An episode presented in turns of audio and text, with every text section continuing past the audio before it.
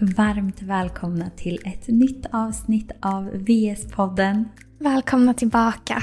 Och det här är ju näst sista avsnittet med oss på ett ganska bra tag. Exakt, det känns så konstigt att säga det men vi ska ju bara spela in det här avsnittet och ett avsnitt till, du och jag. Mm. Och vi får väl se om vi ens hinner det sista bero beroende på när lillen vill titta ut va? Exakt, ja, man kan inte ta någonting för givet just nu. Man vet Nej. aldrig. Nej, man behöver verkligen vara i det här feminina, go with the flow och eh, leva i ovisshet för man vet ju inte. Nej, hur har det där gått tycker du? Ja, Sista veckorna. Ja, vi behöver nog, vi behöver börja från början.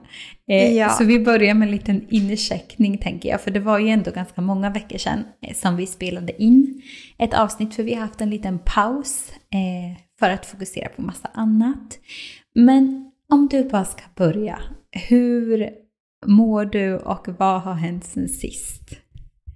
Ah, gud, jag blev också sen när du sa det, jag bara, när var det ens vi spelade in sist? Men, eh, nej, men det känns verkligen att jag börjar närma mig förlossning. Eh, rent fysiskt, att det börjar kännas hur kroppen börjar luckra upp sig, magen börjar flytta neråt, ja, men han trycker på de här nerverna som folk pratar om. Så att rent fysiskt så känner jag verkligen att ja, men nu börjar det närma sig. Men mentalt så har jag nog inte riktigt hängt med, skulle jag säga. Eller så mentalt på ett sätt så känner jag mig så redo och jag längtar så mycket. Men mer att det är så mycket annat som jag fokuserar på med jobbet som jag också är så uppslukad i. Så på det sättet mentalt så är jag inte där än. Mm. För kan inte du berätta, under sommaren så har det ju hänt lite i VS som ändå kan vara kul att känna till. Ja, Vad är det egentligen vi har gjort de senaste veckorna som vi har haft fullt upp med? Ja men exakt. Nej men alltså det är så kul för vi har ju två nya personer som har joinat teamet och de här stjärnorna är ju nu ombordade och kommer börja liksom jobba igång nu. Ja men de har egentligen redan startat. Så det har ju varit fullt upp att ja, men omvårda dem, bygga nya strukturer och processer och bara så här bygga typ ett helt nytt workflow. Alltså verkligen. Det har ju känts som att det bara kommer sak efter sak efter sak. Och det har ju verkligen varit kopplat till just det här att nu är vi ju tre i teamet plus dig och mig. Och att ja, men, verkligen sätta arbetsbeskrivningar, flöden, struktur och att vi har ju så mycket i vårt huvud. Och vi känner ju varandra utan och innan och vi har jobbat så länge tillsammans så att det har inte behövts på samma sätt och att börja från grunden och sätta de här lathundrarna, strukturerna för hur man gör alla processer. Det är ju så här, åh herregud. Ja men verkligen, och det är där man inser att det är så lärorikt för oss på ett sätt som man inte kunde föreställa sig just för att vi har på något sätt haft vårt sätt som bara har byggts väldigt så här organiskt och det har bara tillkommit grejer som man tänkt på det. Och nu plötsligt så ska det vara fem personer som ska kunna jobba tillsammans. Mm. Ja, men sen är det inte bara det vi har jobbat med. Vi har ju också jobbat med andra roliga saker. Mm. Vill du berätta? Ja, men vi har ju flera produktlanseringar som är på gång. Så när alla har haft semester den här sommaren, då har vi suttit och herregud, alltså det känns som man har suttit hela dagarna i typ möten. Ja. Eh, Men ja, vi jobbar ju på massor med pro- produkter. Eh, och Mm. framför allt så släpper vi ju två stycken om när det här släpps en vecka senare. Så det är våra nya Herbal Teas eh, Ja. som är Blossoming Mother eh, som vi själva har druckit under vår graviditet som vi Mm. älskar. Och sen så är det ju ett post eh, Parum Tea. Ja, ja, men vi har jobbat på de här teerna så länge och det är så kul att vi också kommer kunna dricka på Spartum 10 båda två när vi är på Spartum. Eh, och att äntligen det här teet som vi ju har druckit för att vi har haft produktprover under våra graviditeter men att det faktiskt äntligen ska få nå er. Mm.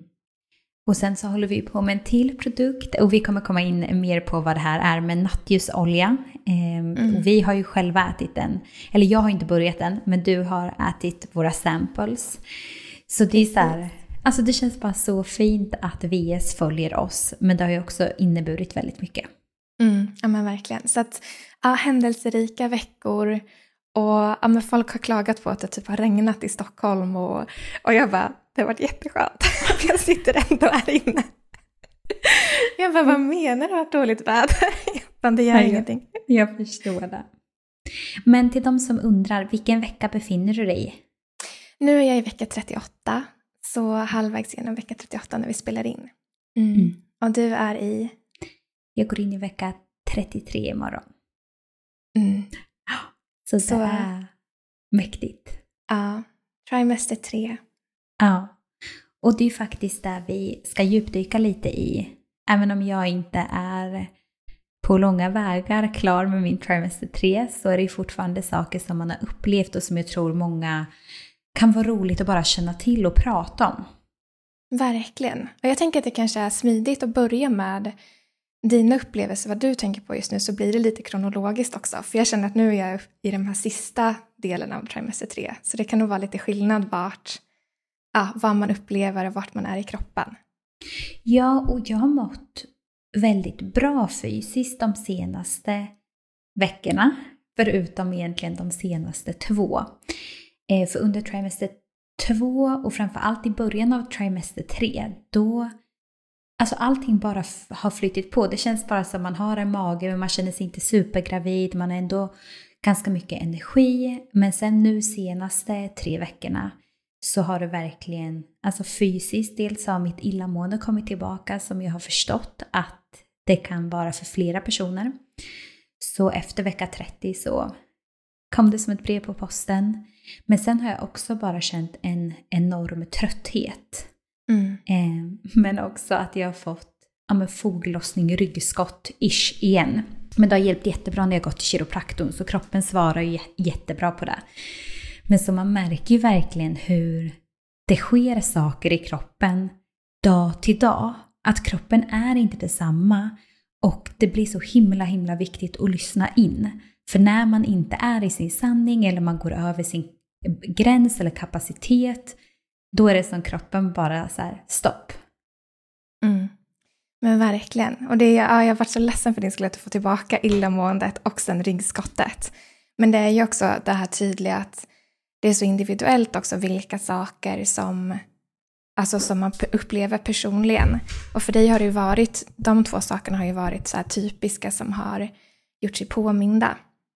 Mm. Men det är verkligen häftigt som du säger att det är så här, man vet inte vad man kan vänta sig nästa dag. Nej, och sen är det bara mäktigt. Alltså, man känner ju att det börjar närma sig, man känner hur hon rör sig på ett annat sätt. Att förut var det mer sparkar, nu känns det mer som buffar eller knuffar. Alltså det är ju så himla fint och så himla mysigt och det gör ju också att man känner sig så mycket mer redo. Och samtidigt som magen har växt så mycket. Och jag tror folk kan känna igen sig så här för alltså absolut att jag tycker att jag känner mig många gånger fin, men jag har också stunder där jag bara, vad är det här? Alltså Mm. vart ska det här sluta? Nej men alltså det är helt sjukt. Mm. Ja, men och speciellt på kvällarna, för då är det ju som att magen växer tre storlekar extra vissa kvällar. Ja. Man bara, hur går, hur går det ens till? Ja, det känns som man ska explodera liksom. Ja, verkligen. Om du sammanfattar trimester tre hittills, vad har varit ja, men, bäst eller mest utmanande?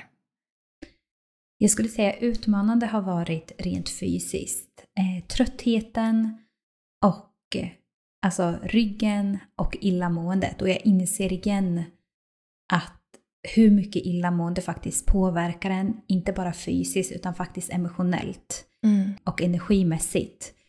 Samtidigt så tror jag att det finns en lärdom och en gåva i det. För att det tvingar en på ett sätt att stanna upp och också att lyssna in. Så att det finns ju en gåva men också det här att bara finna acceptans. För det blir ju att man får vara i ovissheten. Att, om jag kommer det här fortsätta hela trimester tre? Kommer jag behöva ha så här varje dag? Men att släppa taget om det och bara så här. Okej, jag mår så här idag. Vad behöver jag för att må bättre idag? Eh, men också bara så här. Man känner att saker händer och att hon växer, vilket gör att man har inte samma kapacitet som innan. Så jag tror att det viktiga och det svåraste för mig är just det här produktiviteten, att sätta gränser, eh, att faktiskt vila och få in återhämtning. För jag, i mitt mind vill jag bara köra på. Men det är som att så här, det är inte det kroppen behöver nu och inte min själ heller. Så att verkligen jobba med det där, att släppa det här maskulina som också värderas i samhället och där jag kan se att det finns lager kvar i mig med tanke på att man är i det där och automatiskt dras ditåt. Mm. Det är så svårt att byta, bryta de beteendemönstren men jag tror att det är en jättestor lärdom för det som komma skall och framförallt postparum att där kommer man behöva öva på det här. Så det här är en förberedelse skulle jag säga. Mm. Men jag tycker det är så fint hur du ser det också just i, i form av att ja, men en utmaning för dig är just det här att stanna upp och vila. Att illamåendet då blir nästan som att så här, din kropp men vad kan jag göra för att hon ska fatta? Mm. att så här, illamående är det enda som verkligen tvingar dig. Mm. För att det är omöjligt som sagt att ja, men illamående är ju verkligen en bitch. Det går ju inte att, att härda ut utan så här, det tar över. Ja, det är en nasty bitch alltså. Herregud. Ja. Så det finns ju en lärdom och sen, alltså jag har ju varit ett vrak vissa dagar, där ska jag inte sticka under stolen jag bara kan sitta och bara ah, jag förstår gåvan och lärdomen utan det är ju Nej. skittufft att vara i det. Men igen att så här, acceptans. Alltså jag tror typ så här, det är ju nyckeln, att bara känna acceptans. Det här är vad det är. Mm. Mm. Och så här, våga lyssna då, att så här, men jag måste faktiskt lyssna på kroppen. Mm. Men berätta, du är ju faktiskt på slutspurten av den här trimestern. Men vad, hur har den varit för dig? um, nej, men jag håller med dig också om att trimester 3 generellt tycker jag har varit väldigt... jag är tacksam att jag har fått må så bra. Så det är egentligen nu sista veckan, veckorna som jag har börjat känna av just de här nu närmar sig förlossningen grejerna. Um, och där det började med var egentligen att jag fick som stick i livmodern, att det känns som bara så en blixt typ. Mm. Uh, och jag bara, vad är det här? För det är liksom inte, det är ju inte någon typ av verk, det är inte en sammandragning. Så jag bara, vad, vad, är det för någonting? Och sen så har jag förstått att det då är att huvudet är på väg ner och trycker på vissa nerver. Fan vad mäktigt ändå! Alltså då är det ändå så här, han börjar göra sig redo. Ja, nu, alltså, sa, nu sa jag han, men du har ju gått ut med ja, att ja. han. Ja, jag du har fått trauma. Folk har frågat dig. Ja, ja jag var ja, lite sen med att gå ut att det var kille, men det är han. um, nej men exakt, det är ändå så, alltså när jag förstod att det var det, då blev det också att man blev mer så här, ja ah, men det här är ett bra tecken. Men det kan verkligen så här stinga till som tusan. Och det har fortsatt sen någon gång om dagen eller några gånger om dagen sen dess. Olika intensivt kan man säga. Eh, ja, så det har ändå varit en sån, sån grej som var okej, okay, det händer någonting. Och sen sista veckan ungefär så har jag verkligen känt hur bäckenet typ är i upplösningstillstånd. Mm. det är så här, i början så bara, men det gör liksom inte ont men jag känner att det rör på sig, alltså det känns bara som att det luckras upp. Och sen har det kommit mer och mer smärta, så sista dagarna nu så har jag ändå haft foglossningssmärtor men det som är positivt är att det kommer och går, att det inte är helt ihållande, så det är ändå tacksamt. Mm. För hur har det funkat med dig med typ rörelse? Har du gjort någon form av träning? Kan du inte dela?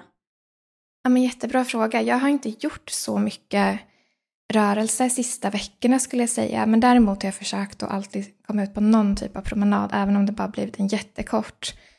Så har det ändå varit, känts viktigt att få igång blodomloppet.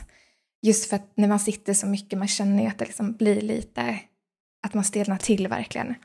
Så jag har mest fokuserat på att försöka promenera lite och sen sträcka på mig. Alltså bara så ställa sig upp och sträcka lite på sig.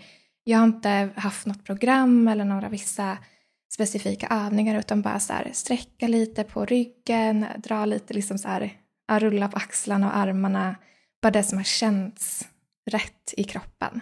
Och det har ändå hjälpt. Men jag har inte haft något speciellt program. Hur har det sett ut för dig? Vad har du haft för så fokus när det kommer till rörelse?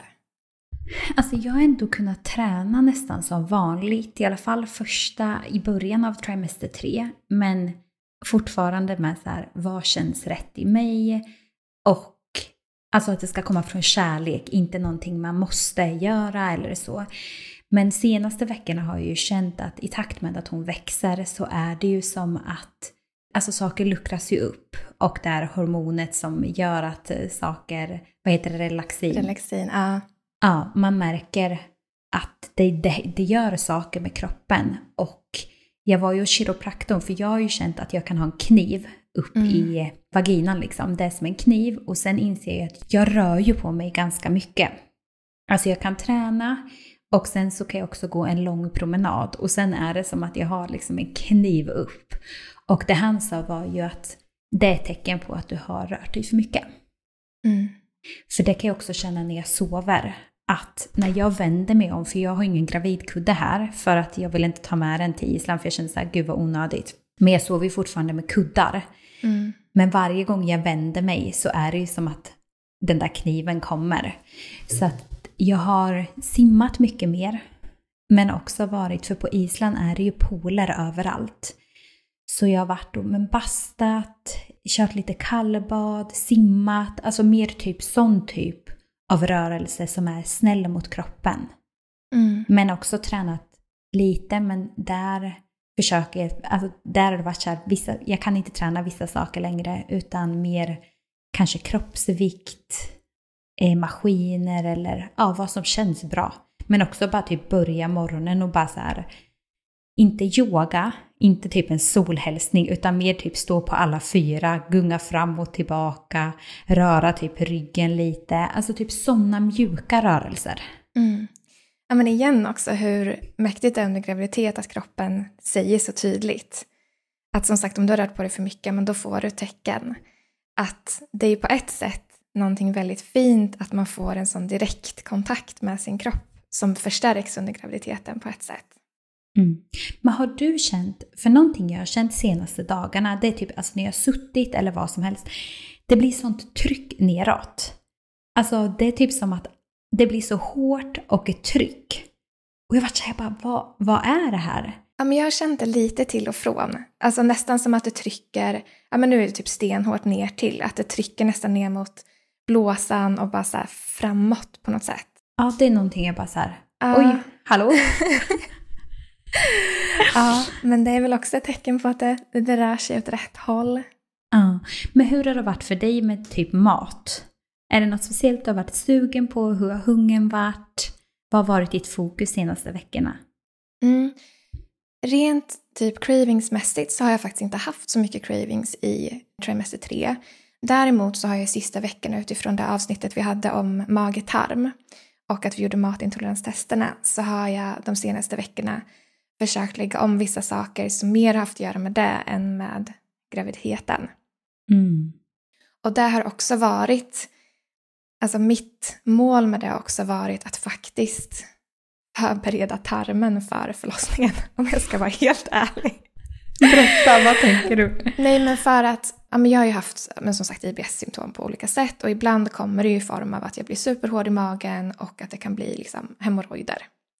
Mm. Ja, och det är ju inte kul. Och när man redan vet att det kan komma av förlossningen så är jag så här, ja för det blev förra veckan för jag försökte utesluta gluten och för mig är det så här, jag kan inte sluta helt. Jag har insett att jag måste trappa ner, vilket jag ändå har gjort.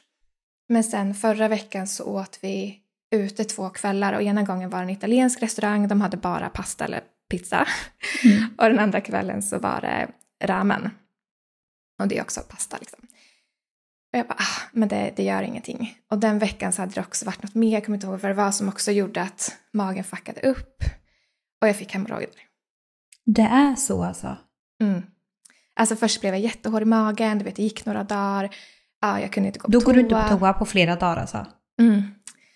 Eh, och sen när man väl gör det, då är det som att, du vet, nej, alltså jag kan få sprickor, alltså du vet, det kan bli, ja, och du vet, och jag bara, nej men om det är så här nu, tänk om jag har det när jag ska in på förlossningen. Alltså jag får typ alltså, tårar i ögonen. ja, men alltså det, det, är så hemskt. Och du vet, det tar ju upp så mycket energi också för att man bara, åh gud, hur ska det gå nästa gång jag går på toa? Hur länge ska det här hålla i sig? Det har väl varit min att jag mer har varit så här, jag vill vara snäll mot magen för att vara i ett bra läge när det är dags. Så att man inte kommer in och redan är trasig. Och sen så blir det liksom ytterligare det här trycket på och allt som kan ske. Men har du känt skillnad när du har gjort de här förändringarna? Ja. Och vad har du gjort mer specifikt? Främst så har det ju varit att minska gluten. Och den är ju svår att säga för det är inte heller som att jag ätit gluten tre gånger per dag men vissa dagar har det kanske varit två gånger per dag. Nu kanske det är varannan dag någonting med gluten men vissa dagar inget.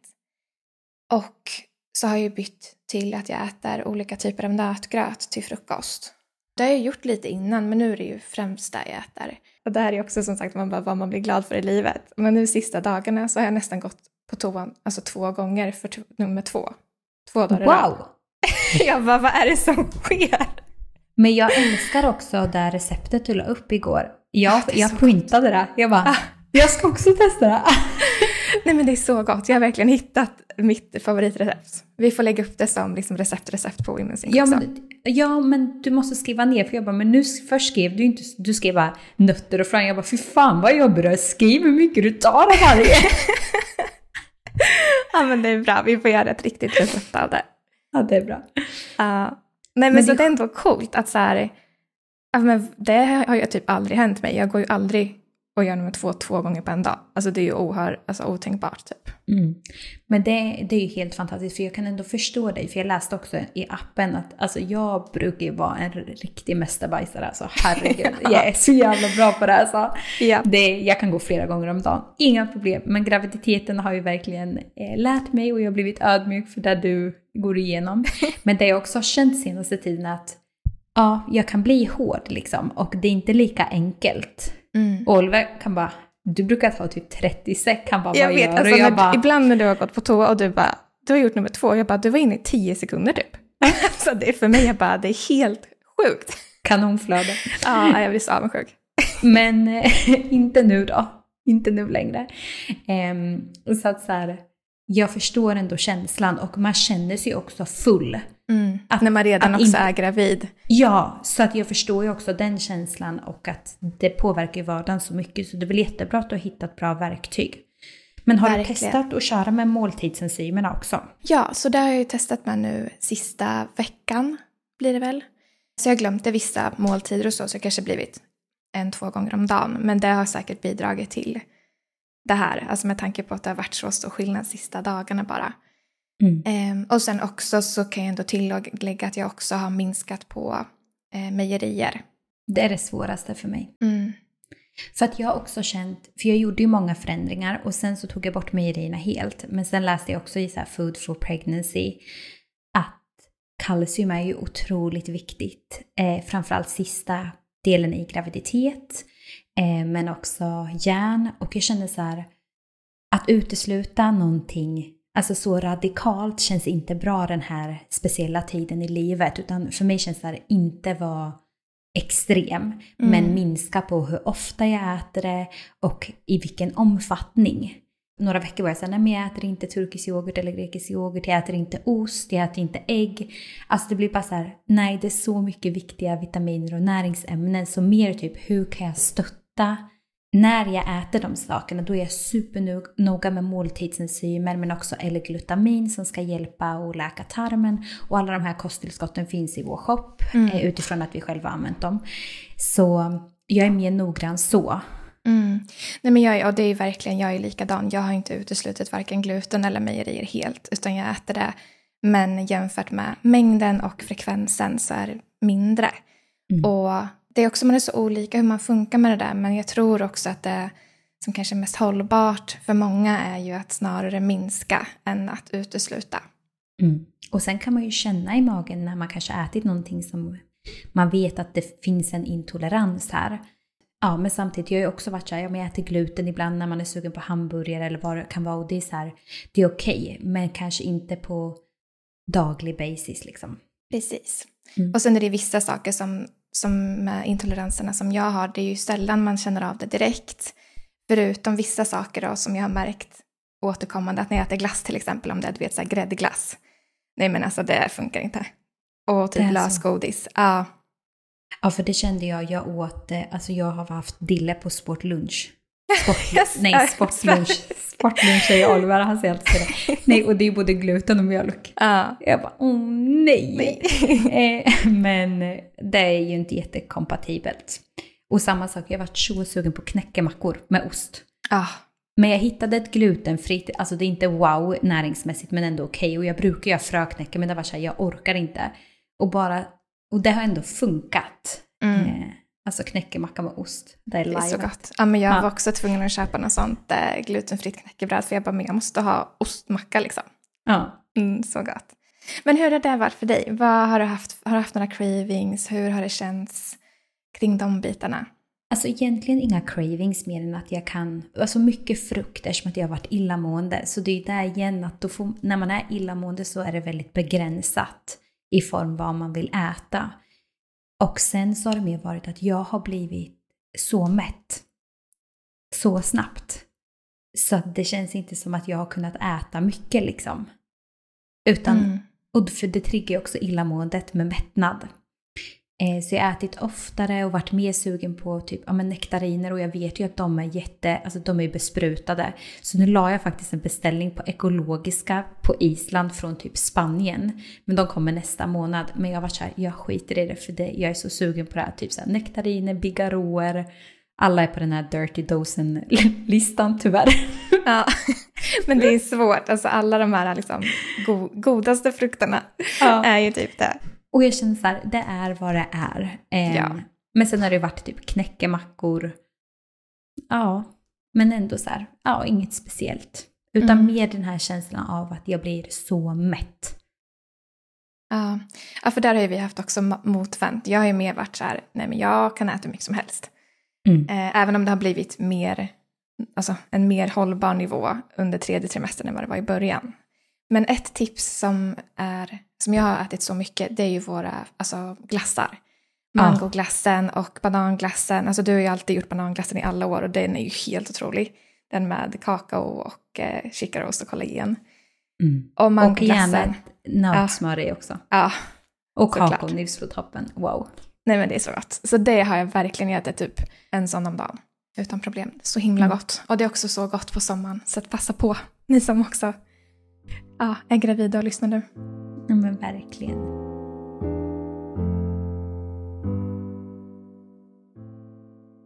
I dagens avsnitt vill vi tacka vår fantastiska sponsor Skinom som ger färsk hudvård. Och Skinom är grundat av hudforskaren Dr. Johanna Gillebro som även är författare till bästsäljande boken Hudbibeln. Och vi läste Johannas bok förra året och blev helt frälsta. Och sen dess så har vi använt deras ansiktshudvård. Ja, vi älskar den. Och Skinnam som koncept är ju baserat på mer än tio års forskning och deras produkter är utvecklade i deras labb här i Stockholm. Och någonting som vi har fått så mycket frågor kring senaste åren är just bra solskydd med tanke på att solskydd kan innehålla hormonstörande ämnen. Och Skinom har nu lanserat deras första solskydd både för ansikte och kroppen med SPF 50+. Vilket vi är så himla glada för. Både för vår egen skull eftersom att vi har letat efter bra solskydd men också till alla er i communityn. Ja, och Skinnam har ju tagit fram en helt ny generation av solskydd. Och det som gör den unik är att den bland annat innehåller hudvänliga mineral och organiska UV-filter som inte är hormonstörande. Och det är tack vare deras nya innovativa organiska filter med stor molekylstorlek som inte kan penetrera huden. Och det här ger högsta möjliga skydd mot solen, både mot UVA och UVB-strålar. Och de innehåller också vårdande ingredienser som urea, lecitin och prebiotika. Mm. Och båda de här solskydden minskar risken för UV-inducerade tecken på åldrande som pigmentfläckar och trasiga blodkärl. Och de är också helt fria från konserveringsmedel för att inte störa hudens egna mikrobiom. Och de är också parfymfria och helt utan onödiga tillsatser, vilket vi älskar. Ja, och vi har ju fått äran att dela med oss av en rabattkod till er. Så om ni uppger koden WomenSync20 så får ni 20% rabatt på deras hemsida. Och där kan ni också läsa mer om deras produkter. Så gå in på skinom.se. Tack Skinom för ett underbart samarbete. I dagens avsnitt vill vi också passa på att lyfta våra Women's Sync Body Lotion och Body Wash. Ja, och anledningen till att vi har tagit fram just hudvård kommer från att vi idag utsätts för ämnen och gifter i vår vardag som kan påverka kroppen och hormonhälsan negativt. Och vi har själva tagit del av den växande forskningen kring just hormonstörande ämnen i produkter som de flesta av oss använder dagligen som i just hudvård. Ja, vi själva upplevde ju hur svårt det var att navigera kring hudvård och förstå olika ingrediensförteckningar. Och när vi själva letade efter produkter så hittade vi inga alternativ som levde upp till våra egna krav. Det här väckte verkligen en drivkraft i oss att skapa en hudvårdsserie som verkligen är snäll mot kroppen, som passar gravida och ammande och som vi kan stå för till 100%. Precis, och även om de är snälla mot kroppen så har det varit otroligt viktigt för oss att de också verkligen har effekt. Det vill säga att de ska vara mjukgörande och återfuktande. Och själv älskar jag verkligen konsistenserna. Bodywashen är så len mot kroppen och bodylotion gör verkligen huden mjuk utan att lämna en fet hinna på huden. Mm. Nej men de är otroliga. Och för att göra dem så närande som möjligt för huden så har vi fokuserat på att använda ingredienser som finns naturligt i huden och som stärker och upprätthåller en hälsosam hudbarriär såsom exempelvis kvalen, E-vitamin och vitamin B3. Ja, precis. Och en viktig aspekt i framtagandet av hudvården är att vi har gjort dem parfymfria. Och det är eftersom att parfym är ett samlingsbegrepp som kan innehålla hundratals olika ämnen. Och de är även fria från PFAS, parabener, ftalater, BPA, mikroplaster och mineraloljor. Ja, och vi får ju ofta frågor vad vi använder och vi använder ju enbart de här produkterna nu och kommer att göra för resten av vår framtid. Eh, och framförallt nu när vi är gravida eftersom att de passar lika bra inför under och efter en graviditet. Men de passar ju även för de som har känslig hud eller man har olika allergier eller bara för dig som är medveten och söker efter alternativ som är snälla mot huden. Mm. Och produkterna är också veganska och producerade här i Sverige. Och du hittar dem på vår hemsida womensing.se. Men jag tänkte också att någonting som vi kan toucha vid, Eh, för vi har ju de senaste veckorna verkligen, verkligen djupdykt i förberedelse för förlossning och det här är ju ingenting man behöver göra utan alla känner ju in vad känns sant för mig. Men för dig och mig som jobbar med det här så är det också, det finns en sån drivkraft och nyfikenhet. Där vi också, när vi går in i det här stadiet, så ser vi också vad saknas på marknaden. Eh, men också hur, hur kan man navigera på ett enkelt sätt. Så jag tänker så här, förberedelse inför förlossning. Ska vi inte bara typ djupdyka och ge våra tips och våra ja, upplevelser, vad vi har gjort helt enkelt, för att mm. inspirera mm. andra? Det tycker jag låter jättebra. Men kan inte du börja med vad har du gjort för förberedelser och vad har du tagit med dig och vill skicka vidare? Ja, och ja, det är ändå ganska många veckor kvar. Eh, eller sju veckor. Sen vet man ju inte om, man, om det är tidigt eller sent eller vad det är liksom. Men framför allt så, om man börjar liksom på det här mentala eller emotionella, så är det ju mer att verkligen börja lyssna på kroppen. Och det jag egentligen har liksom integrerat i min vardag, det har ju varit mer att ta hand om mig själv.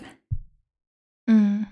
Så någonting som, alltså en ritual jag älskar, som verkligen gör mig gott på alla plan och som blir meditativ, det är torrborstning. Ja, jag älskar att du börjar prata om det här, för det, ja. Mm. Jag älskar det. Och det är också alltså för att få igång lymfsystemet.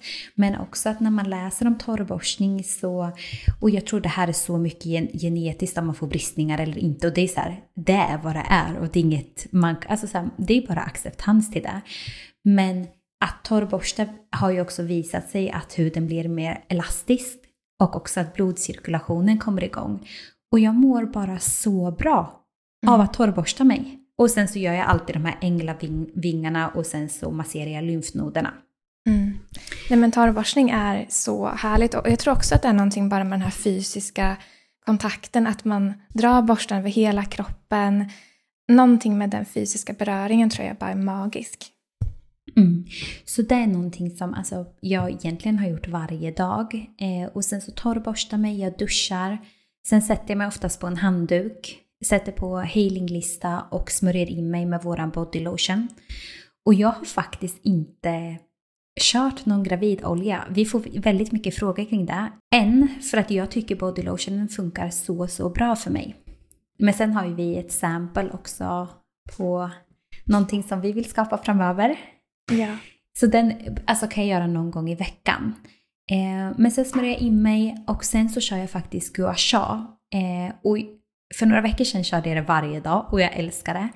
Men nu har det blivit några gånger i veckan. Så då kör jag med vår ja, med den som är för ansiktet. Men sen har jag också nu börjat lägga till den kom, komben, alltså kammen. För att massera liksom i nacke och hu alltså huvud och hårbotten. Mm. Bara för att öka blodcirkulationen där. Och alltså, den här ritualen är så himla mycket självkärlek. Ja.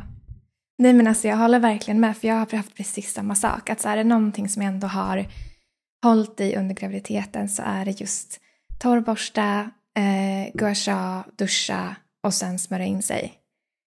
Att försöka göra det, speciellt på kvällen, bara för att få den här, så här ja, men för hela systemet att bara varva ner och få lite oxytocinlugn så har det varit så viktigt.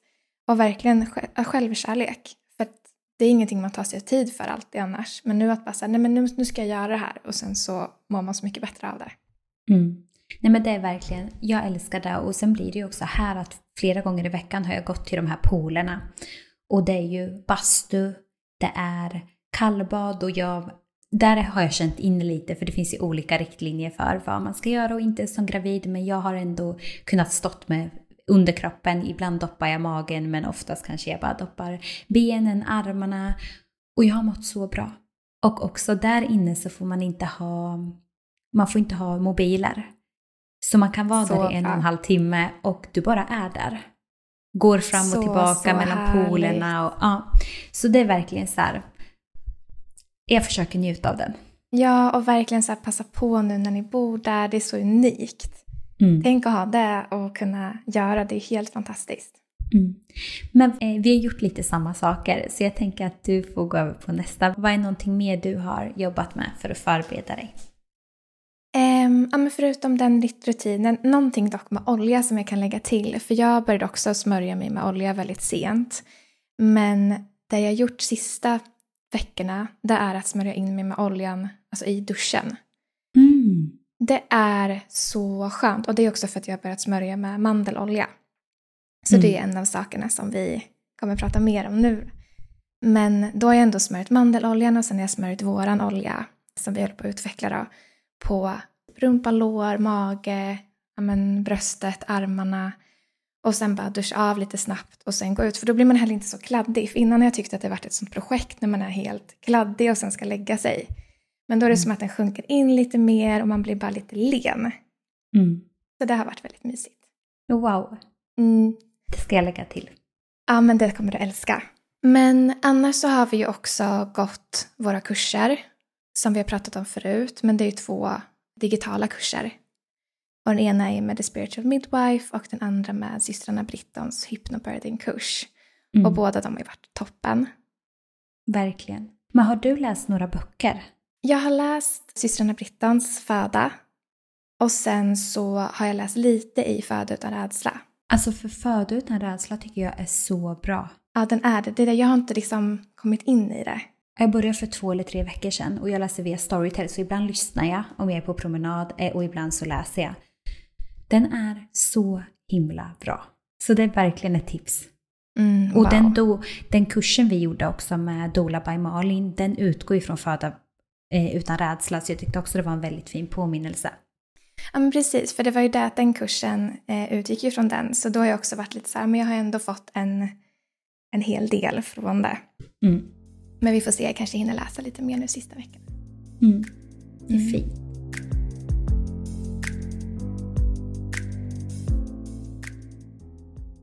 Men nu när det kommer till ja, men de sista veckorna här så är det några saker som vi har börjat, eller jag har börjat göra i alla fall hittills eftersom att jag är lite längre fram. Men som verkligen är sådana saker som vi har samlat utifrån vad har vi blivit tipsade om, vad har, vi, vad har kommit upp under alla åren i Women's Inc. Vill du berätta om vilka de är? Ja, men dels är det ju hallonbladste och jag ska faktiskt börja dricka, nu ska vi iväg i helgen, men jag kommer börja dricka det nästa vecka och det här är ingen rekommendation till någon, utan man, när det kommer till hallonblad så brukar man ju rekommendera det de sista fyra veckorna i en graviditet.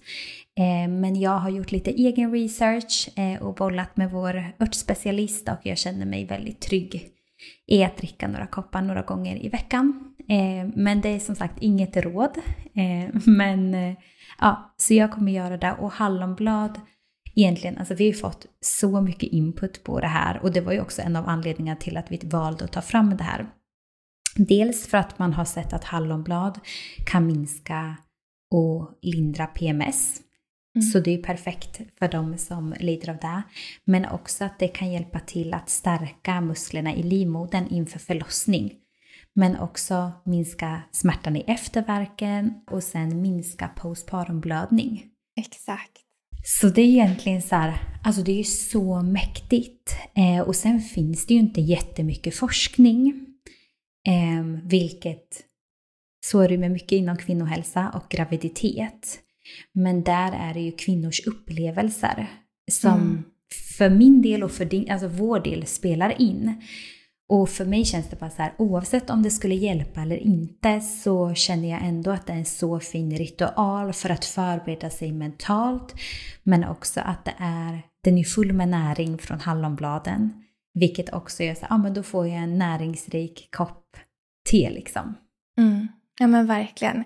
Och det är ju det att alla de här sakerna som vi kommer gå in på nu är ju mest baserat på anekdotisk data eller vad man ska säga. Eftersom att det inte finns så mycket forskning så det får ni ha med när ni lyssnar och också när det kommer till örter och kosttillskott så är det viktigt att man gör sin egen research och gärna pratar med sin barnmorska för att det kan ju också vara olika utifrån vad man har för graviditet och för, alltså hur kroppen känns och mår och sådär. Mm, för det finns ju vissa kriterier, så här, har man haft en väldigt snabb förlossning innan så ska man ju vara uppmärksam på till exempel hallonblad.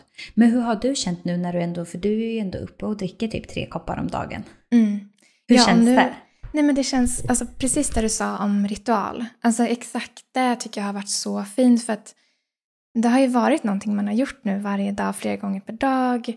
Och varje gång man gör det så är det som en liten påminnelse om att just det, nu är jag i den här delen av graviditeten, förlossningen närmar sig, jag gör den här koppen och dricker den för mig och bebisen. Det bara blir en fin liten ritual Mm. Och det också i sig känns så viktigt, precis som att vi båda har den här äh, torrborsta, smörja in stunden, så blir det här på samma sätt. Att mm. man bara så här, en liten stund som man blir påmind om den resan man är på, och det som sker.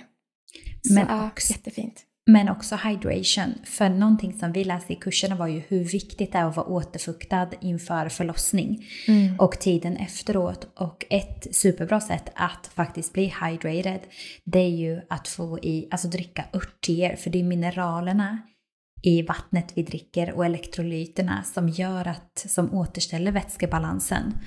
Så det är också ett jättebra sätt att återfukta kroppen. Så jag tror också att det är en sak som kan spela in som man kanske inte tänker på eller pratar om när det kommer till just liksom örter eller hallonblad. Verkligen. Jag tror att det är någonting som är så främmande för, ja, speciellt oss här i Norden där man mer dricker te för att typ få värme på vintern. Medan det är ju i andra kulturer där man dricker te, typ i Indien och Asien, där dricks det jättemycket te, men då är det ju av andra anledningar. Just att det är så närande, du får den här återfuktande av kroppen. Där handlar det inte om att man bara dricker det för att man ska bli varm. Det är bara att så här, här vår mentalitet är inte inställd på att de faktorerna faktiskt också finns. Mm. Och äh, hallonblad, alltså vi älskar ju den och vår örtspecialist hon, hon avgudar ju den örten. Så vi har ju mm. den i Raspberry Leaf, vi har den i Female Cycle och vi har även den i Postpartum Teat som kommer och det är ju en kvinnospecifik ört. Och det är ju inte av en slump vi har den i tre av våra produkter. Nej, verkligen. Så är det verkligen. Men någonting annat, alltså jag är så peppad, tänk när jag är där. Det känns ändå ja. smart. Eh, men det är ju nattljusolja. Ja. Alltså ja, kan du berätta ju... om det här?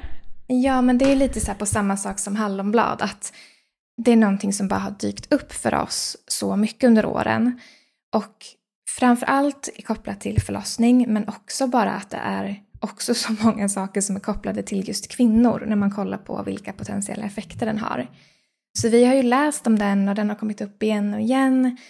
Och sen nu då när vi verkligen djupdök inför förlossning så var ju nattljusolja någonting som också många barnmorskor just pratar så varmt om.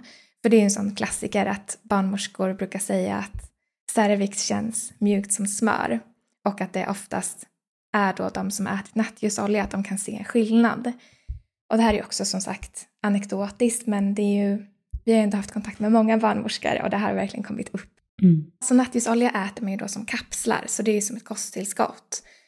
Och jag ätit den nu i flera veckor så nu äter jag ju två på morgonen och två på kvällen. Ja, men tanken med den är då att den hjälper cervix att mjukas upp så att den liksom släpper och öppnar upp för att barnet ska kunna komma ner. Mm. Och att det ska vara smidigare. Alltså för att tänk om cervix är hårt, det är liksom där bebisen kommer ut. Om den är hård och frasig så kommer det göra ondare. Men om den är mjuk och mer medgörlig så kommer det förmodligen bli en mer smooth känsla. Och vi kom ju i kontakt med det här första gången för tre år sedan när vi var på Sannes event. Mm. Eh, och tips för er som vill djupdyka mer i det här, det kommer komma blogginlägg och inlägg hos oss framöver. För att det är så här, den här info måste bara ut. Men vi har ju utgått från akutbarnmorskan på, nej akut barnmorskestöd heter hon ju, ja. eh, på Insta, Instagram. Så hon har en highlight om just nattljusolja och sen så har vi utgått från hennes rekommendationer i dosering. Ja men precis. Så det är ju mm. samma sak där att vi kan ju inte ge någon rekommendation utan vi har ju gått på det vi har tagit del av. Så ja, man får, man får kolla upp det eh, helt enkelt för sig själv. Mm. Men det vi kommer göra, eh, och det är ingen rekommendation, det är att från vecka 37 så tar man en kapsel morgon och kväll ska vi göra. Vecka 38 två kapslar morgon och kväll och sen vecka 39 tre kapslar morgon och kväll och en kapsel vaginalt. Exakt. Så ja, nästa vecka ska jag börja, nej nästa, nästa vecka ska jag börja vaginalt. Ja. Men vad är det? För de som undrar, men vad är nattljusolja ens? Nattljusoljan framställs genom att man pressar fröna från nattljusblommor. Så det är ju en, ja, en blomma som är Alltså frön från ett blomma. Mm. Och den är rik på omega-6 och rik på GLA som är en fettsyra som vi behöver få i oss via kosten vi äter. Mm. Och den sägs ju också vara rik på E-vitamin. Ja men precis. Mm, som oftast är kopplat till hud och så vidare. Exakt, för många av de här oljorna man smörjer huden med är ju också eh, E-vitamin i. Mm. Så det är någonting vi eh, kommer ta och vi kommer också lansera vårt eget. Eh, ja. Så det borde komma i oktober. Alltså jag är Exakt. så peppad! Ja men verkligen. Och det är ju, ja, vi har ju kunnat äta de testerna nu eh, men det, ska känna, alltså det kommer kännas så fint att ha dem i shoppen. För det är samma sak som med hallonbladet, att det bara är någonting som känns så women sync och det passar så bra in i de här grundstenarna i saker vi själva har upptäckt och tycker är fantastiska. Mm. Och det är det som är så fint att det faktiskt får följa det vi själva gör.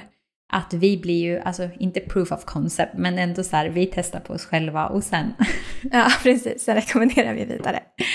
Nej men verkligen, och det gör ju också att vi verkligen kan prata om det och vi vet vad det handlar om för att vi har verkligen själva gjort researchen och testat det eh, innan det kommer ut till er.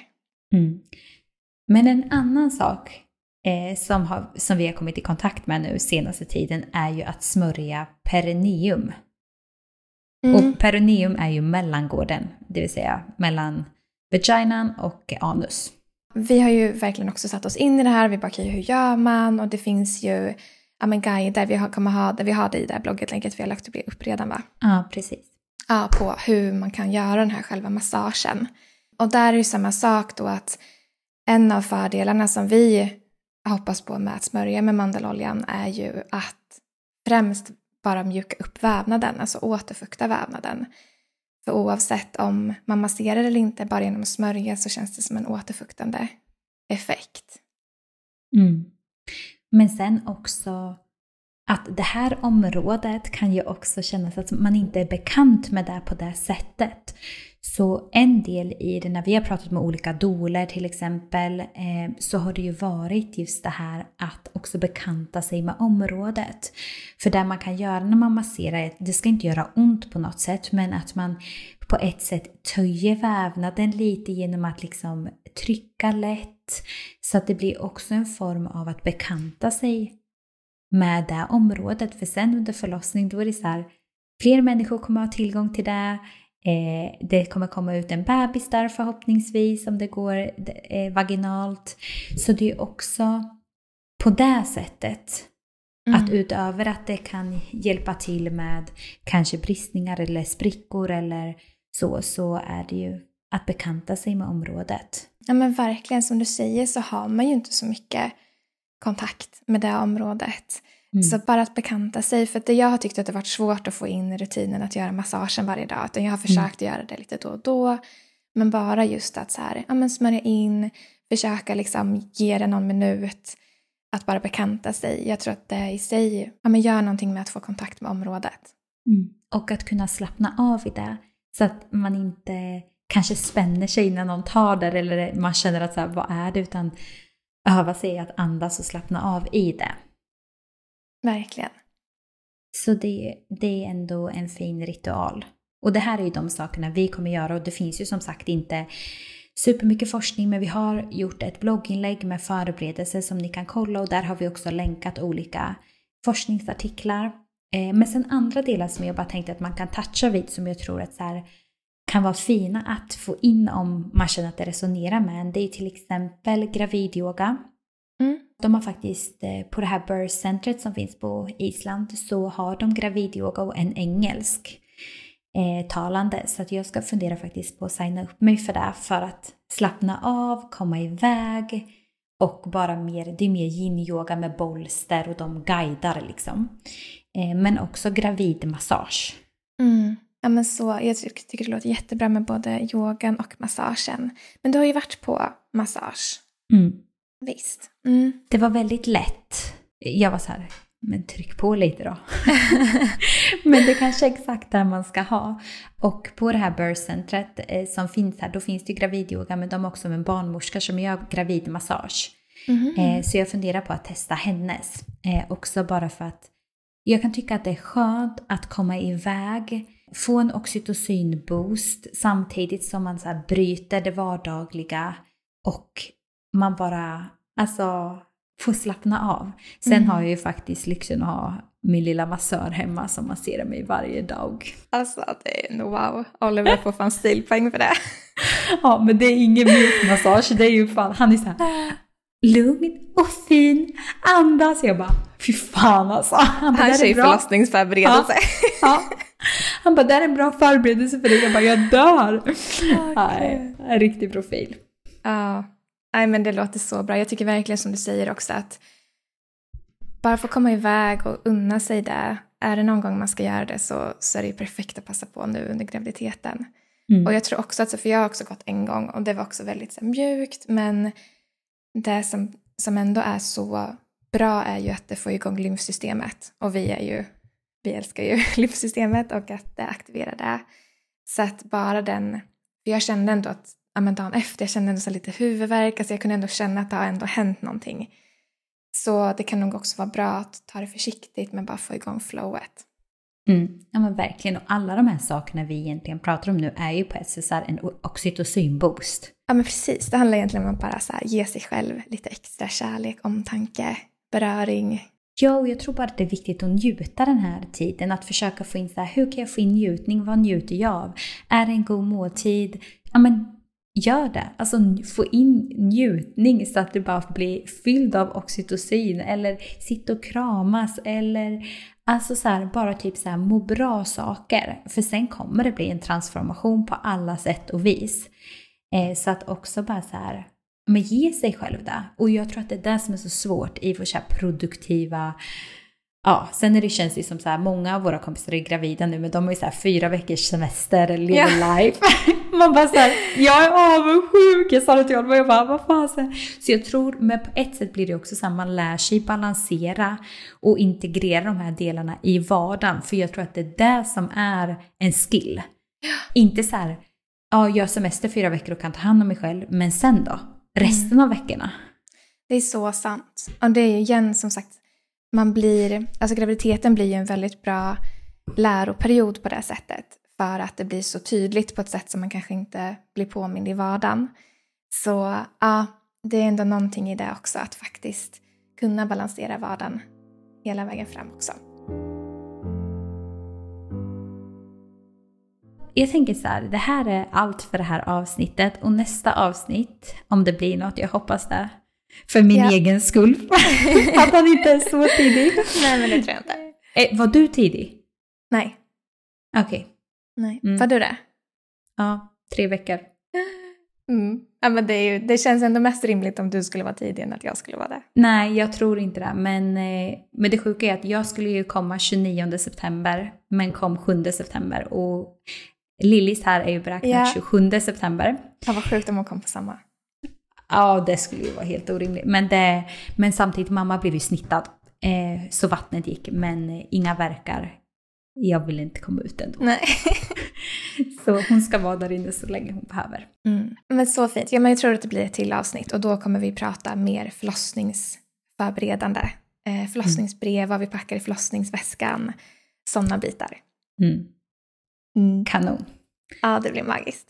Men tack för idag kära ni eh, och ha en underbar dag och vecka så hörs vi om en vecka igen. Det gör vi. Ta hand om er. Puss och Puss kram. puss! Vi vill bara passa på att lyfta Chica Roast som är en så uppskattad produkt både för egen del och av er kvinnor i communityn. Chica Roast är gjord på roten cikoria som rostas till ett pulver som du enkelt blandar med hett vatten till en fyllig värmande dryck. Och det bästa av allt är att den är koffeinfri och fri från tillsatser och är ekologiskt producerad i Europa. Ja, och vi älskar ju Chica Roast. Den är så god. Den påminner om kaffe i smaken men inslag av choklad och lite sötma. Och för oss har Chica Roast verkligen varit en game changer för att kunna minska på vårt koffeinintag. Och det här är verkligen det bästa substitutet till kaffe som vi någonsin har testat. Verkligen. Och personligen sen jag har minskat på koffein och började dricka Chica Roast så har min IBS blivit bättre då den till stor del var väldigt stressrelaterad. Och jag sover också bättre och har minskat min oro och ångest. Så ja, en game changer helt enkelt. Om du vill testa Chica Roast så hittar du den på vår hemsida www.womensync.se